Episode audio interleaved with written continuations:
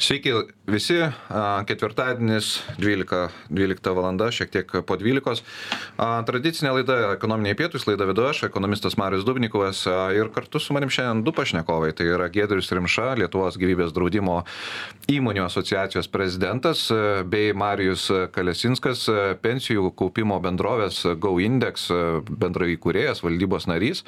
Na ir taip pat Genus Family Office partneris.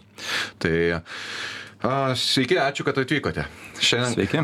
E, šiandien, šiandien kalbėsime turbūt apie vėl pinigus, kurie neišvengiamai paliečia mūsų gyvenimus. Tai vienu atveju, kas gyvybės draudimas turbūt paliečia ankstyvojoje fazėje dažniausiai, aišku, ir vėlesniai. Tuo tarpu Pensijos, na, mūsų laukia turbūt gerokai vėliau, bet bet kokiu atveju tiek vienu kitu atveju reikia ruoštis. Tai laida vyksta gyvai. Jeigu klausytojai nori užduoti klausimą, tai pasinaudokite žinių radio programėlę ir mielai atsakysime, nes tai yra aktualu. Ir e, kalbėsime būtent apie lėšų valdymą, apie tai, kas vyksta, kokios aktualios šiandien dienai svarbios ir kaip vystosi pati rinka. Tai Giedriau, gal galite papasakoti jūsų atstovaujamą gyvybės draudimo įmonių asociaciją. Kaip jūs matote gyvybės draudimą, kaip jisai vystėsi per paskutinius metus ir, ir kokios dabar yra tendencijos? Taip, laba diena dar kartą. Taip, gyvybės draudimas kaip toksai, jis uh vaidina svarbu vaidmenį mūsų gyvenime. E, gyvybės draudimo, kaip draudimo rušies e, vystimas ir plėtra prasidėjo, sakykime, prieš 20 metų jau, kai valstybė pati siekė pakeisti esamą pensijų sistemą, siekdama kuo daugiau įtraukti gyventojus į taupimą, į kaupimą, į didesnį švietimą siekiant uh, kad gyventojai investuotų laisvas lėšas. E, gyvybės draudimas ir tapo tuo instrumentu, kuris e, ir atliko tą vaidmenį kaip e, paskata ir būdas būti tuo, kad įsigijęs šį produktą žmogus, gyventojas, kuris galbūt turi mažiau profesionalių žinių, mažiau patirties investavimo rinkoje, jis gali apsispręsti ir skirti savo lėšų dalį būtent tiek savo draudiminiai apsaugai, gyvybės netekimo atveju, nelaimingų atsitikimų, kritinių lygų atvejais, e, ribo, laikino nedarbingumo atvejais, o taip pat ir galėdamas savo lėšomis prisidėti prie kaupimo, taupimui, kad senatvėje turėtų atitinkamą e, paspirtį šalia gaunamos tos vadinamos pirmos pakopos standartinės pensijos. E, taigi,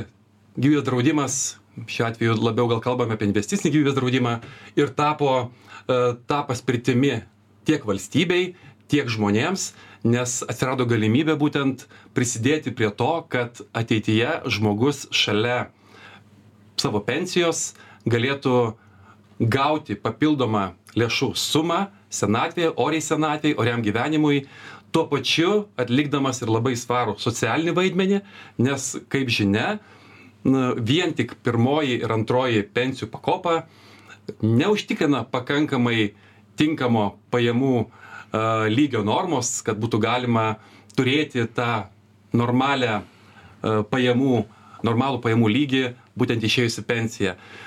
Investuojant per gyvybės draudimą, pasirengiant šį produktą, tikėtina, kad žmogus ateityje senatvėje, kai sulauks būtent to amžiaus, kai iš darbo santykių nebegaus pajamų, jo būtent pakeitimo norma pajamų lygio tikėtina, kad gali pakilti net iki 10 procentų. Tai yra nemaži skaičiai ir tikrai nemaža paskata žmogui ateityje. Kiek gėdrių žmonių dabar yra pasirinkę, sakykime, na, minėtą trečią pakopą gyvybės draudimą, kiek yra aktyvių sutarčių, kurios šiandienai rinkoje jau veikia? Taip, kasmet skaičiuojama per 500 tūkstančių naujų starčių, taigi šiandieną galime teikti, kad e, turime per pusę milijono aktyvių starčių, taigi jeigu vertinant atitinkamai gyventojų skaičių Lietuvoje, tai būtų beveik kas šeštas gyventojas turi tokią sutartį. Ir, na, mūsų nuomonė, tas sprendimas tų gyventojų būtent tokiu būdu taupyti, turėti tą pagalbę ateityje, mūsų nuomonė yra sveikinis dalykas ir turėtų būti valstybės kuo toliau, tuo labiau remiamas. Uh, Marijau, ar svarbu, kiek, aišku, kad svarbu, aš tai esu šimtų procentų įsitikinęs, ta prasme, kad Lietuvoje gyventojai turi turėti tiek finansinę apsaugą draudimo atžvilgių, tiek, tiek sakykime, senatvėje svarbu. E, kaip paties kompanija prisideda prie, prie, prie būtent tos saugumo jausmo kūrimo Lietuvoje ir, ir ką jūs atnešėt naujo, nes Go index yra naujas žaidėjas. Taip. Tai iš tiesų, na, jeigu pirmiausia pradėsiu turbūt nuo draudimo, tai su draudimu neturiu beveik nieko bendro, apart kad pats kažkiek tai juo naudojuosi, matau prasme pačiame rizikos draudime tai yra normalu kad žmonės pasirūpina savo gyvybės sveikatos savo turto draudimu ir panašiai. Čia gal atskira diskusija galėtų vykti ar ar yra efektyvu kombinuoti tai kartu su investavimu. Ir na tada turbūt viskas priklauso nuo konkrečių sąlygų ir ir čia vieno bendro paprasto atsakymo nėra reikia žiūrėti, kokiam sąlygom žmogus kombinuoja tą rizikinį draudimą kartu su kaupimu. O jeigu kalbėt apskritai pasiruošimą pensijai tai yra toks ilgalaikis investavimas su labai konkrečiu tikslu. Ir pensija tai yra ta dalis mūsų gyvenimo kuri neišvengiamai ateis. Nepaisant to kad aš nuolatos sutinku per susitikimus seminarus žmones kur daugelis linkę manyti na čia toks psichologinis efektas kad daugelis mūsų linkę manyt kad na aš tai nesulauksiu pensijos. Na ir ir tai yra iš tikrųjų visiškai saviapgaulė nes daugelis mūsų sulaukia tos pensijos pensijos. Taip nutinka visokių dalykų kartais gyvenimas gali baigtis ir anksčiau tačiau dauguma mūsų sulaukia pensijos ir dar joje gerokai pagyvena. Vidutiniškai apie dvidešim metų dar žmogus sulaukęs pensijos pagyvena o ir tas amžius pensijoj ilgėja. Pastaraisiais na kiekvieną dešimtmetį dar dar po kokius metus pailgėja.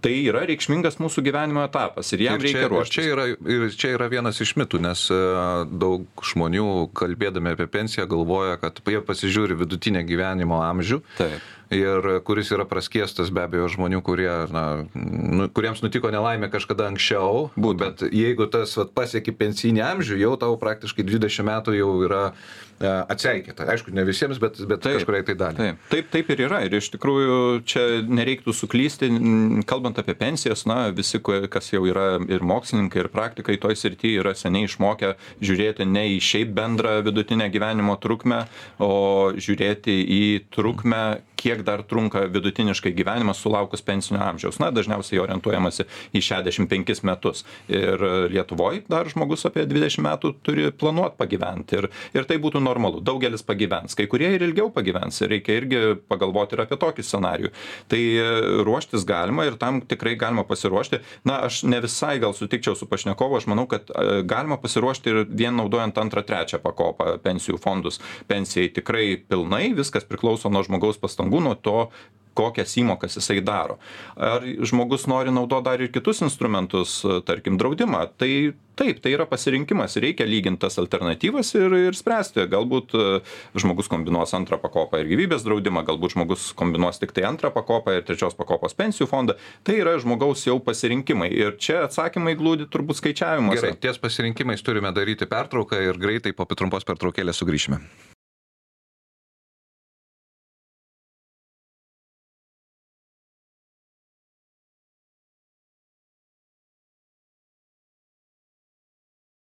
Sveiki visi, grįžtame po pertraukos, kalbamės apie investicinius fondus, apie pensijas ir panašių ir gyvybės draudimą. Šiandien su manim Gedrius Rimša, Lietuvos gyvybės draudimo įmonių asociacijos prezidentas ir Marijus Kalesinskas, pensijų kaupimo bendrovės GoIndex valdybos narys. Na, laidą vedu aš, Marijus Dubnikovas. Um, Marijau, sustojom ties uh, pensijom ir investavimui. Ir turime klausimą iš auditorijos, tai Domantas klausia, kodėl vis tik reiktų rinktis investicinius ar indeksinius fondus, nors kaštai skiriasi. Mhm tai labai geras klausimas ir kaip tik reiškia go indeks pensijų kaupimo bendrovė specializuojasi tame kad mes siūlome vien tiktai pasyviai valdomus indeksinius pensijų fondus. To nesiūlo jokia kita pensijų kaupimo bendrovė kad išimtinai vien tiktai tokio būdo investavimo a, investicijas darom. Ir neatsitiktinai tą pasirinkom ir atėjom į rinką todėl kad tokio pasiūlymo trūko. Mes matėm trūkumą trūko trūko mums patiems iš tikrųjų kaip kaupiantiems savo patiems savo pačių pensijas pensiją ir jautėm kad ir klientų interesantų tikrai bus jų ir yra. Ta ta mūsų e, hipotezė pasiteisino iš tikrųjų sparčiai daugėja mūsų klientų ir mes siūlom grynai e, reiškia tiktai į pasyviai į indeksinius fondus investuojančius pensijų fondus. O pagrindinis dalykas kodėl tai tiesiog duomenys rodo kad indeksinis pasyvus investavimas ilgalaikiam taupyme yra pranašus pranaši strategija. Yra taupomi kaštai tai yra žymiai pigiau kainuojantis procesas pačiam kaupiančiajam. Ir iš dalies dėl to plius dėl to kad nėra stengiamasi nuspėti rinkos ir ją aplenkti o yra tiesiog duodamas rinkos rezultatas toks e, toks stilius jisai devyniais iš dešim kartų per ilgą laikotarpį jeigu kalbam apie dvidešim metų ir ilgesnius laikotarpius tyrimai tiesiog rodo kad e, tai yra pranašesnė strategija kuri duoda geresnį rezultatą negu aktyvus valdymas. Aš laidoje su daug kalbinau žmonių čia per paskutinius metus laiko ir mes dažniausiai sueidavome į tą pačią nuomonę kad ilgalaikis investavimas yra pasyvus investavimas. Tai nėra nėra sprintas yra maratonas kuriame kuriame turi gauti vidurkį tiesiog. Taip, ne, taip, taip, taip turėtų būti, taip, taip yra efektyvu ir racionalu. Aišku, žmonės ne visada racionalūs ir ne visada pasirenka geriausius, racionaliausius sprendimus. Gerai, gyvybės draudimas. Kas šeštas žmogus kartu su trečia pakopa iš esmės turi, turi, turi sutartį. Kokiais kanalais, Gedriu, ateina žmonės būtent pasirašo sutartis ir kokiais būdais yra parduodamos šios sutartys ir na daug diskusijų šiandien dienai yra būtent kad vis dar reikia skatinti tas atėjimus ir ir ir ir ir ir ir taikyti tam tikras lengvatas. Tai du klausimai pačiam. Pirmas tai yra kokiais būdais ateina žmonės kokie populiariausi ir ar reikalinga vis dar skatinimas šiandieninėj lietuvoj? Taip tai tie būdai nemažai tų būdų yra. Bet visų pirma turbūt vartotojas apie produktą apie patį pačią, patį pasirinkimo variantą sužino turbūt iš šios erdvės, iš bendraudamas su kolegomis, su pažįstamais, nugirdęs tam tikroji auditorija ir panašiai. Tuomet jis pradeda gilintis, kas per produktas, kur būtų galima įsigyti. Na, kanalai tikrai yra dabar atviri, kanalų yra daug, kanalai yra uh, prieinami visai, visom įmanomom priemonėm. Kalbėkime apie tą gyvąjį, su pirma, kanalą, tai yra platinimas e, produkto per draudimo tarpininkų tinklą. Jis yra labai platus, e, daugiausiai sudaro platinimo tinklo na, draudimo agentai, taip pat yra draudimo brokeriai, šiek tiek jų yra mažiau šioje rinkoje, bet vis tiek dalis tam tikra yra. E, tai čia yra vilko dalis per platinimą, sakykime taip, viso, viso, viso produkto kiekio. Toliau platimas vyksta per pačių įmonių pardavimo taškus per įmonių veiklos e, būstinės, e, tai parduoda produktus darbuotojai. Kitas kanalas yra e, e-kanalas, tai elektroninėmis formomis, kai žmogus gali atitinkamai atsidaryti tam tikrą puslapį internete ir tinkamai įsivertinęs, užpildęs klausimyną su skleidė savo poreikius, finansinės galimybės, tą produktą jam tinkantį įsigyti. Na ir taip pat. Kurie populiariausi? Populiariausia šiuo metu galima sakyti ir daugiausia galbūt e, parduodama yra per draudimo tarpininkų tinklą. Tai yra matyt normalu, nes e, platinama yra visose regionuose, atokesniuose miesteliuose, e, kaimeliuose, kur žmonės patys galbūt negali prieiti, atvykti tiesiai į banką ar kitą padalinį, ar draudimo įmonės biurą, kad įsigyti tam tikrą produktą. E, tai šiuo atveju konsultantai. Tai kitaip sakant, regi regionuose būtent per draudimo platintojus gaunama ir finansinio tam tikrą raštingumo dalis. Taip, mūsų nuomonė taip, nes tas žmogus, kaip tenka kalbėti ir bendrauti su vartotojais, tai įsigijęs produktą žmogus na kartu įsigijęs ir pagalbą šalia galima taip teigti nes tokiu atveju tas žmogus dažnai būna prie tavęs nes jisai dažnai būna to paties tos pačios vietovės gyventojas dažnu atveju pažįsta tą žmogų žino jo galimybes norus poreikius ir jis tiesiog dažnu atveju ne tik jau šiuo atveju draudimo rinkoje padeda jam veikti ir, ir, ir dalyvauti, bet tuo pačiu netgi tampa tuo, kaip ir galima sakyti, kaip ir šeimos finansų konsultantų. Gerai, dar tą lengvatas šiek tiek palieka Marijau, norėjau paklausti, mhm. kaip su pensijų fondais yra pas jūs yra antra ir trečia pakopa, taip, ne? Taip, mes tai kokie kanalai yra populiariausi? Jo, tai iš tikrųjų tie kanalai ir yra tokie, kadangi mes esam nauja bendrovė, ne, nepriklausom jokiai finansiniai institucijai, esam vieninteliai turbūt tokie nepriklausomi pensijų fondų tiekėjai e, klientams ir mano nuomonė čia yra privalumas, e, tačiau iš kitos pusės mums yra sunkiau, nes mes nesam bankas, neturim filialų tinklo, e, negalim per jį pasiūlyti savo paslaugų, tai turime jas siūlyti tiek elektroniniais kanalais, aišku, aktyviai tą darome ir reklamuojame mūsų paslaugas internetu ir socialiniuose tinkluose ir visur. Taip pat turime mūsų pardavimų darbuotojus įmonėje, kurie irgi aktyviai stengiasi dalyvauti įvairiuose renginiuose, galit juos kartais sutikti ir priekybos vietose ir, ir, ir kitur, kur jie pristato mūsų paslaugas ir, ir pakonsultuoja, kiek reikia klientams, kokie klausimai bekiltų. O taip pat dirbam ir per nepriklausomus tarpininkus, tai jie dažniausiai ir aktyviausiai pasiūlo mūsų paslaugas būtent ne didžiuosiuose miestuose, o labiau regionuose. Na ir įvairiai per, per visą geografiją Lietuvos jau tuomet nepriklausomi tarpininkai gali nunešti žinę iki klientų apie tai, kad jie turi tokią alternatyvą, nes dažnai žmonės na tiesiog nežino kad yra geresnių būdų yra atsiradę galbūt gerų instrumentų kaip jie galėtų siekti savo tikslų sėkmingai ruoštis pensijai tai kažkas tai turi atlikti tą darbą ir jiem atnešti tą informaciją. Tai ar aš teisus kad šis kanalas yra svarbus? Tai yra tas finansinis raštingumas jisai eina ir per pardavimo procesą? Mm, jis svarbus turbūt visi kanalai svarbūs ir ir šitas e, kuo toliau turbūt tuo daugiau darosi svarbus nes e, na plečiamės jeigu starto metu metu mes irgi gal pirmiausiai susidūrėm su Vilniaus Kauno didmeščių auditorija, tai dabar vis labiau matom ateinančius klientus iš, iš įvairio, įvairių Lietuvos vietų ir, ir kitaip turbūt neįmanoma būtų apriepti visos Lietuvos geografijos, kaip tik tai per nepriklausomus tarpininkus, kurie, na, ir susiduria su tai žmonėmis mažesniuose miestuose, miesteliuose, kitose vietovėse. Marijau, Renatas klausia, ar vis dar tarpininkas ar brokeris už pagautą kaimeliuose klientą gauna procentėlį? Čia reiktų klausti. Jo, aš nieko negaliu komentuoti apie draudimo, nes su, su tuo niekaip nesu susijęs, bet e, draudimo aspektus, bet e, kalbant apie tarpininkus, su kuriais mes dirbam, tai žinoma, mes esam numatę tam tikrą užmokesčio sistemą, kaip už atvestus klientus mes atsiskaitome su tarpininkais ir tai nu, normalu, kaip ir visuose pardavimuose, tai, tai turėtų būti kažkokia tai motivavimo sistema sistema, tačiau, na, reikia pripažinti, kad mes kaip paslaugos siūlytojai esame labai efektyvūs, mažų kaštų esame bendrovė.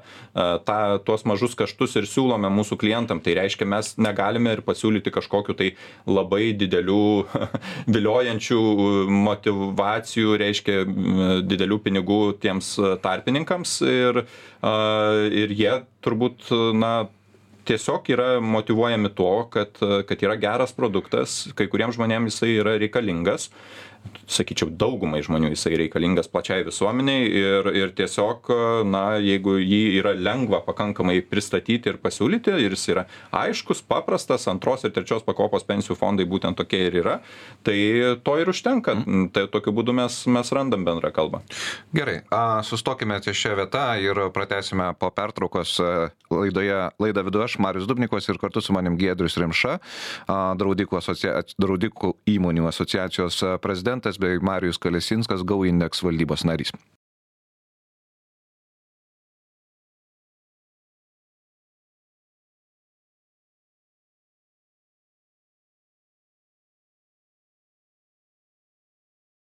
Grįžtame po pertraukos, laida ekonominiai pietus, laida vedu aš, Marius Dubnikos, kartu su manim Edris Rimša, draudimo įmonių, gyvybės draudimo įmonių asociacijos prezidentas, bei Marius Kalesinskas, pensijų kaupimo bendrovės GoIndex valdybos narys.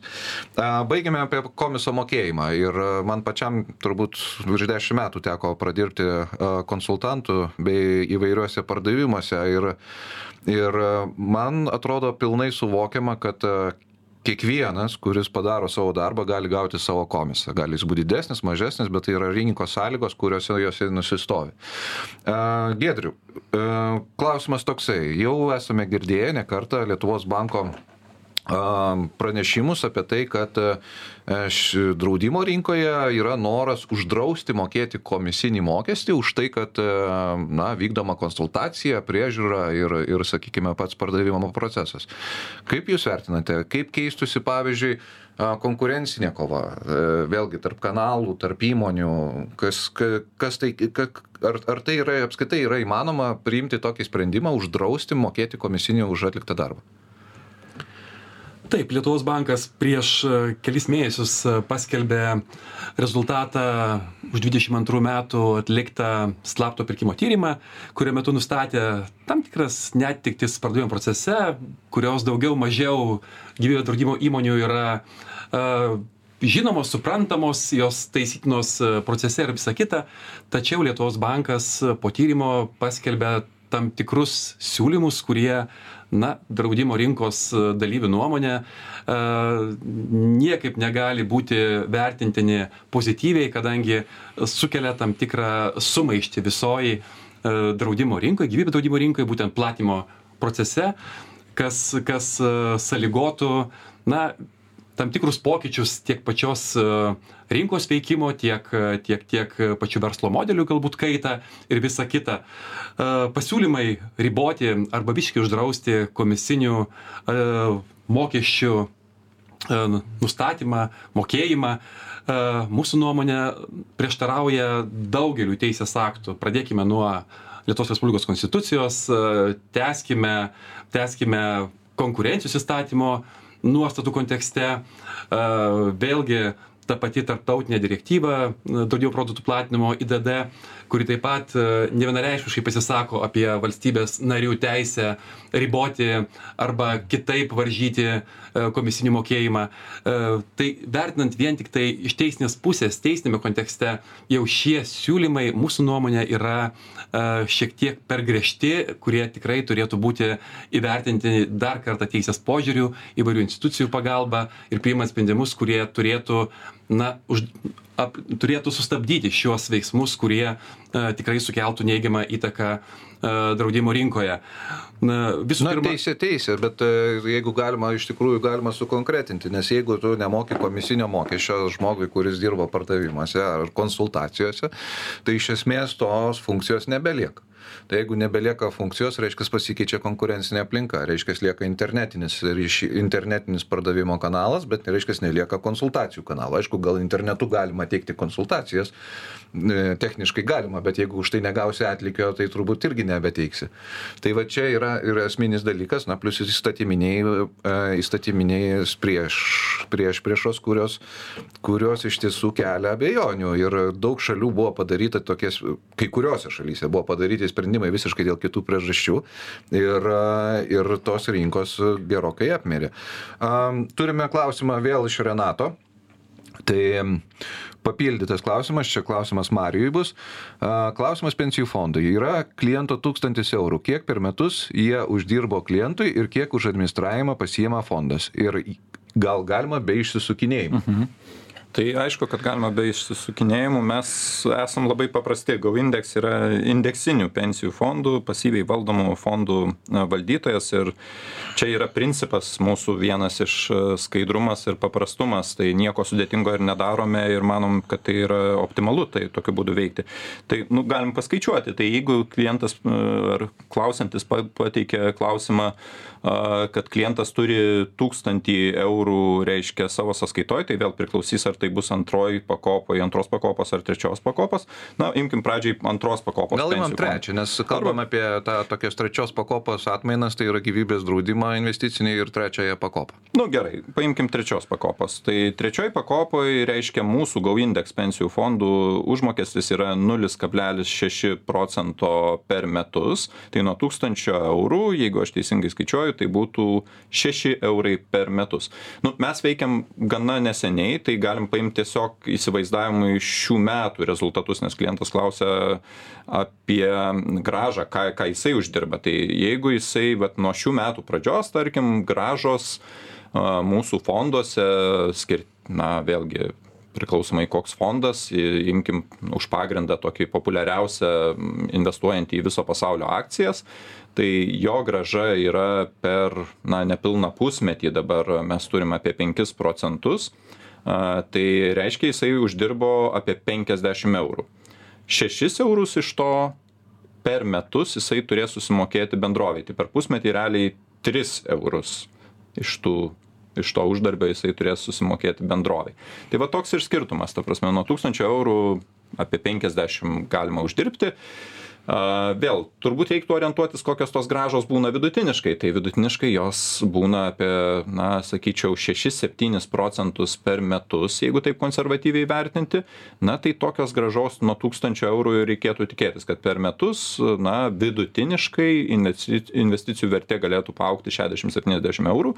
Iš jų kokius 6 eurus per metus klientas susimokės pensijų kaupimo bendroviai na ir mes galiu dar kad būtų pilnai skaidriai ir atvirai pakalbėt ir apie papildomus kaštus nes jie irgi būna investuojant papildomi ir mes juos stengiamės labai labai stipriai mažinti. Tiesiog mūsų toks investavimo stilius kad taupom labai stipriai kaštus klientam bet jie vis tiek kažkokie yra. Tai jų dar gali susidaryti kokie nol du nol trys procento tai sakykim dar du trys eurai tai šeši eurai valdytojai valdymo bendrovei ir dar kokie du trys papildomi kaštai. Kitaip sakant vidutinė grąža rinkoje yra šeši septyni procentai. Jeigu turbūt imtume populiariausius indeksus tai galbūt ir šiek tiek didesnė grąža ilg ilgam periode turbūt apie devynis turėtų siekti jeigu ten imant. istoriškai galim vertint kad taip iš tikrųjų grąžos buvo apie aštuonis gal net ir devynis procentus bet visi linkę į priekį žiūrėt konservatyviau tai mes kai skaičiuojam tai sakom nu nes praeities rezultatai negarantuoja ateities tai čia faktas. konservatyviau. Bet ką kaštai yra iki procento, sakykime, reikia. Mažiau. Mūsų atveju gerokai mažiau ir mes manom, kad šiuo metu yra na, vieni mažiausio, kai kuriuose kategorijose patys mažiausi rinkoje. Gerai. Gedriu, dar viena tema. Mokestinės reformos rėžyje yra kalbama apie tai, kad norima panaikinti paskatas kaupti, sakykime, tiek trečioj pakopai, tiek, tiek gyvybės draudimą investicinėme. Paskatos yra labai aiškios - 300 eurų per metus, kuriuos gali susigražinti iš savo sumokėtų gyventojų pajamų mokesčių. Tas, ta paskata, jinai biudžetui kainuoja apie 40 milijonų eurų tai kas yra sakykime bendram kontekste na sudaro gerokai gerokai mažiau negu penktadalį procento biudžeto ir penktadalį procentinio punkto biudžeto. Tai tai tai kaip jūs ma ta prasme visų pirma kas naudojasi šita lengvata? Nes yra įsivaizduojama kad kažkokie turtingi žmonės naudojasi ir jie jie sakykime jie melžia biudžetą bet ar tai yra tiesa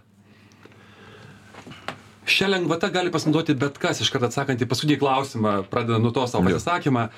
Tačiau be abejo kaip ir minėjau pradžioje gyvybės draudimo produktai kaip tokie jie skiriami be abejo visai visuomenei bet daugumoje šiuo produktu šio produkto privalumais gerosiomis savybėmis naudojasi e, tie žmonės kurių pajamos yra vidutinės arba žemesnio lygio.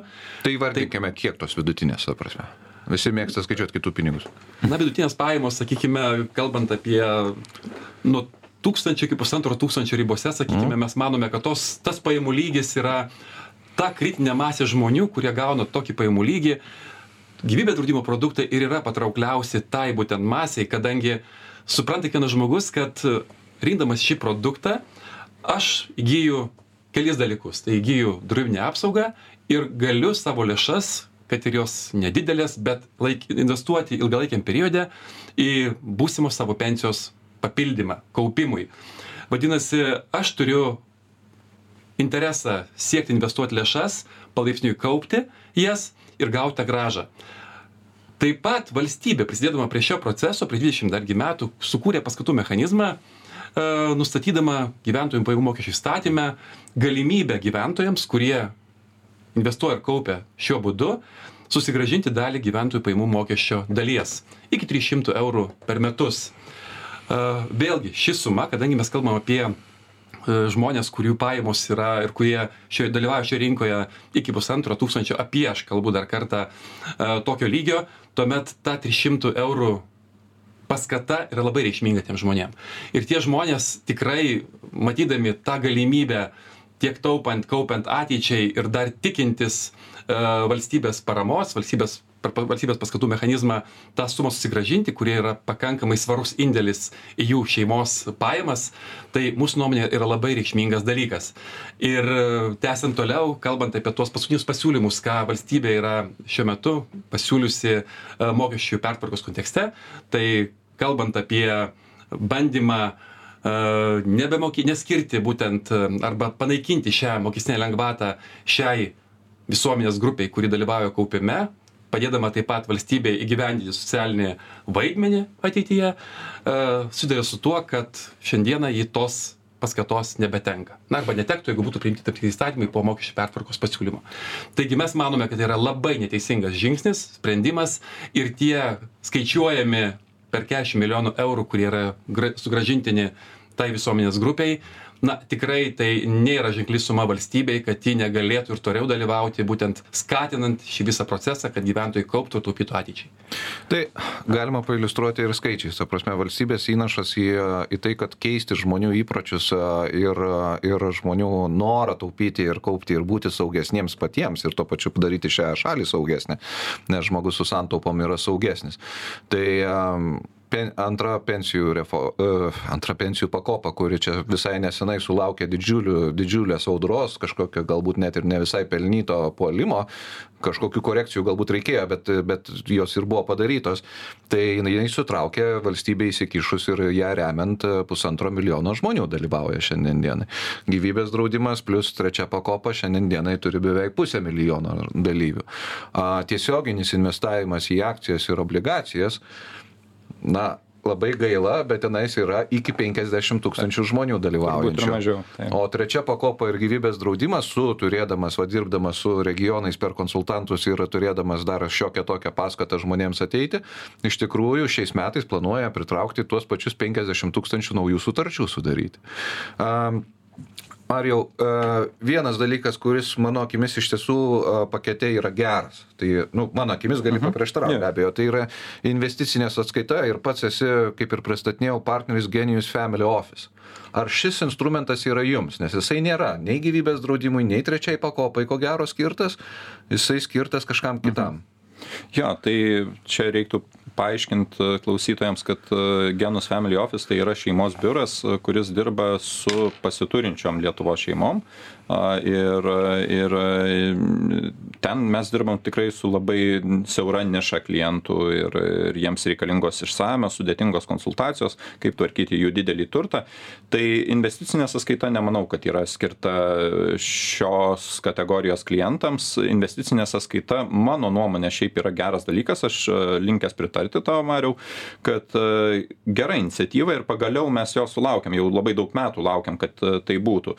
Tačiau, kai kaip rodo praktika na ta investicinė sąskaita panašiu formatu egzistuoja mūsų kaimyninėse šalyse latvijoj estijoj ir tai nepakeičia niekaip ir neišstumia nei gyvybės draudimo nei pensijų fondų. Tai yra na paraleliai veikiantys mechanizmai ir labai puiku, jeigu toks mechanizmas atsiras ir Lietuvoje. Taip sakant, papildomas mechanizmas, kuris su, sunormalizuoja investicinę aplinką. Visiškai teisingai. Aš manau, kad tiems žmonėms... Paaiškinti, nes ne visi supranta investicinė sąskaita, kas yra. Tai yra iš esmės instrumentas, kaip ir įmonės apskaitoje, sudengti pelną su nuostoliu. Tai yra, kad Taip. jeigu tu uždirbai pelną, tu moki mokesčius. Ja. Jeigu, jeigu neuždirbai pelno, realiai nemoki mokesčių. Taip. Ir dar vienas svarbus dalykas, kad ten investicinė sąskaita, kaip dabar yra paskutinis siūlymas, tai jinai leis atidėti mokėti mokesčius nuo investicijų prieaugio. Tai reiškia ten nėra lengvatos investicinėj sąskaitoj. Nėra taip kad nemokamas mokestis nuo investicijų prieaugio bet ji jo mokėjimas atidedamas iki to momento kada žmogus išsiima pinigus iš investicinės sąskaitos.